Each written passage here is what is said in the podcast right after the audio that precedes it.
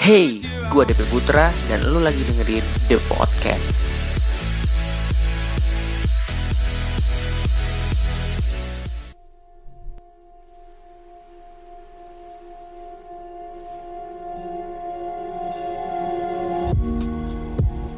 Hello The Podcaster, welcome back di The Podcast episode yang ke-8 uh, Di episode kali ini gue pengen ngajak kalian untuk ngebahas tentang gaya hidup uh, generasi milenial Ya mau nggak mau kita harus memang harus terima bahwa kita sekarang sudah berada di kondisi uh, di generasi milenial Nah uh, dari generasi ini memang banyak sekali kita lihat uh, ada hal-hal positif Tapi juga mungkin ini menurut gue pribadi ada hal-hal yang sebaiknya sih uh, hal tersebut tidak terlalu over untuk kita lakukan.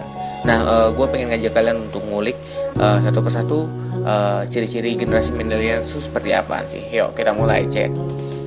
Um, ya, yang pertama gue pengen bahas dari sisi media sosial. Ya, gak ada yang bisa pungkiri bahwa setiap orang saat ini semua terhubung dengan media sosial Ya, menurut mereka media sosial adalah salah satu fasilitas yang mereka anggap untuk bisa saling berkomunikasi dan faktanya menurut riset 95% generasi milenial itu selalu terhubung dengan media sosial. Terhubung dengan media sosial sih nggak ada masalah ya, cuman terkadang ini ada sisi positif dan sisi negatif. Oke, untuk buat kalian yang kondisinya mungkin saling berjauhan antara satu dan yang lain uh, media sosial membuat kalian menjadi terasa lebih dekat dibandingkan uh, tanpa ada media sosial jadi kalian bisa saling komunikasi mungkin uh, zaman sekarang ada fasilitas chatting fasilitas video call uh, dan lain sebagainya. Ya intinya untuk menjalin komunikasi yang baik. Uh, namun dibalik ada media sosial juga ternyata ini ada kalau ini menurut gue pribadi ada berdampak positif negatifnya juga. Karena apa?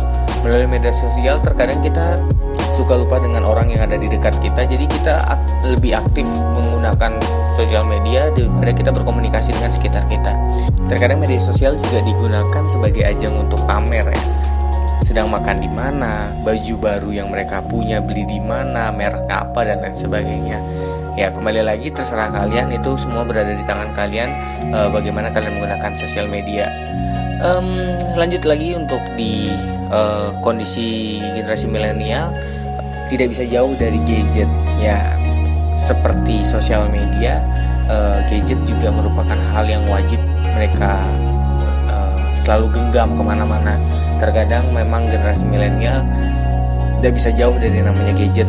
Bahkan uh, setiap hari sebelum tidur yang dipegang terakhir adalah gadget kemudian baru bangun tidur yang dicari pertama adalah gadget. Ya itulah kehidupan uh, generasi milenial saat ini.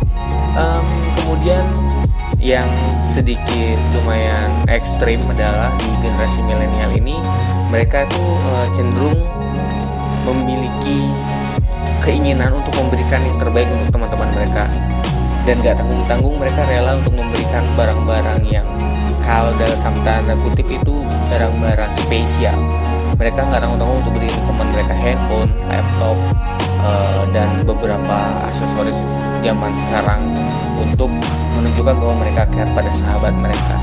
Ya itulah yang terjadi pada generasi milenial. Um, kita lanjut lagi, kemudian, nah yang ini agak sedikit uh, apa ya namanya? Ya agak sedikit mengkhawatirkan kasih karena apa? uh, di generasi milenial mereka memiliki pola hidup gaya hidupnya mereka itu yang ya sama seperti yang gue sebutkan di awal mereka nggak tanggung tanggung untuk memberikan temannya sesuatu yang walaupun itu sampai me membuat mereka harus merogoh kocek lebih dalam. Ya itulah gaya hidup mereka. Mereka lebih bangga jika mereka bisa hidup dengan uh, nongkrong di kafe kemudian mereka juga bisa membeli produk-produk mahal mereka menggunakan barang-barang branded dan lain sebagainya. Ya mungkin uh, hal ini gue sih pengen pengen sih kalau bisa teman-teman dari generasi milenial uh, kita pikir dua kali deh uh, sebelum terlambat uh, hal ini mungkin akan membuat kalian akan susah di kemudian hari gue juga nggak pernah tahu tapi setidaknya uh, gue mengharapkan untuk sedikit kontrol lah untuk masalah gaya hidup. Kalau misalnya kalian pun tidak sanggup untuk melakukan itu, cukuplah dengan hal-hal yang biasa aja nggak usah sampai over hmm, oke okay. gue lanjut lagi bagian dari dunia generasi milenial ini dalam hal bekerja mereka memiliki pola yang berbeda. Mungkin kalau kita ingat-ingat zaman dahulu kalau orang uh, tamat kuliah mereka bekerja.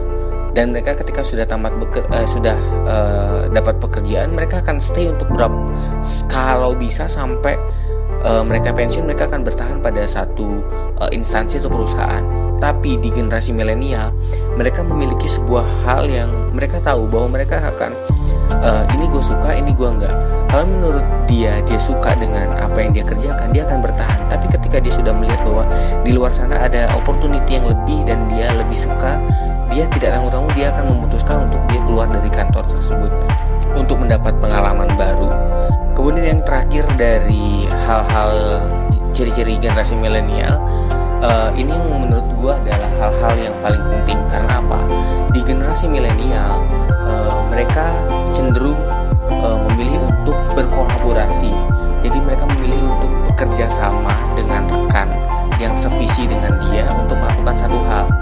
Dan di generasi milenial ini, uh, mereka itu mempercayai bahwa seseorang yang dapat memimpin mereka itu adalah seorang mentor, bukan hanya seorang bos yang dapat memerintah, tapi uh, sosok yang bisa dapat mengarahkan kemudian dapat mengembangkan bagaimana mereka bisa membuat sesuatu yang lebih lebih lebih dan lebih lagi. Sehingga dari hal tersebut kualitas kerja mereka akan meningkat dan tentunya mereka akan menghasilkan karya yang luar biasa. Ya itu dia uh, tentang bagaimana ciri-ciri generasi milenial yang memang saat ini kita sudah berada di generasi milenial dan kita lihat bahwa seperti yang gue bahas sebelum-sebelumnya generasi tersebut sudah melakukan hal yang luar biasa dan membuat kita kagum. Ya mungkin saat ini orang-orang tua masih belum bisa melihat bahwa apa yang mereka lakukan itu nggak nggak berguna, tapi bisa dilihat beberapa tahun ke depan apa yang akan mereka hasilkan dengan apa yang mereka lakukan saat ini. Oke guys, itu aja mungkin the podcast episode hari ini. Uh, seperti biasa, jangan lupa like, comment, dan subscribe di channel DP Putra. Di kemudian juga ada di SoundCloud kita ada di The Podcast ada juga di iTunes The Podcast kemudian di Twitter ada at The Podcast underscore. Oke teman-teman sampai ketemu di episode selanjutnya. Sampai jumpa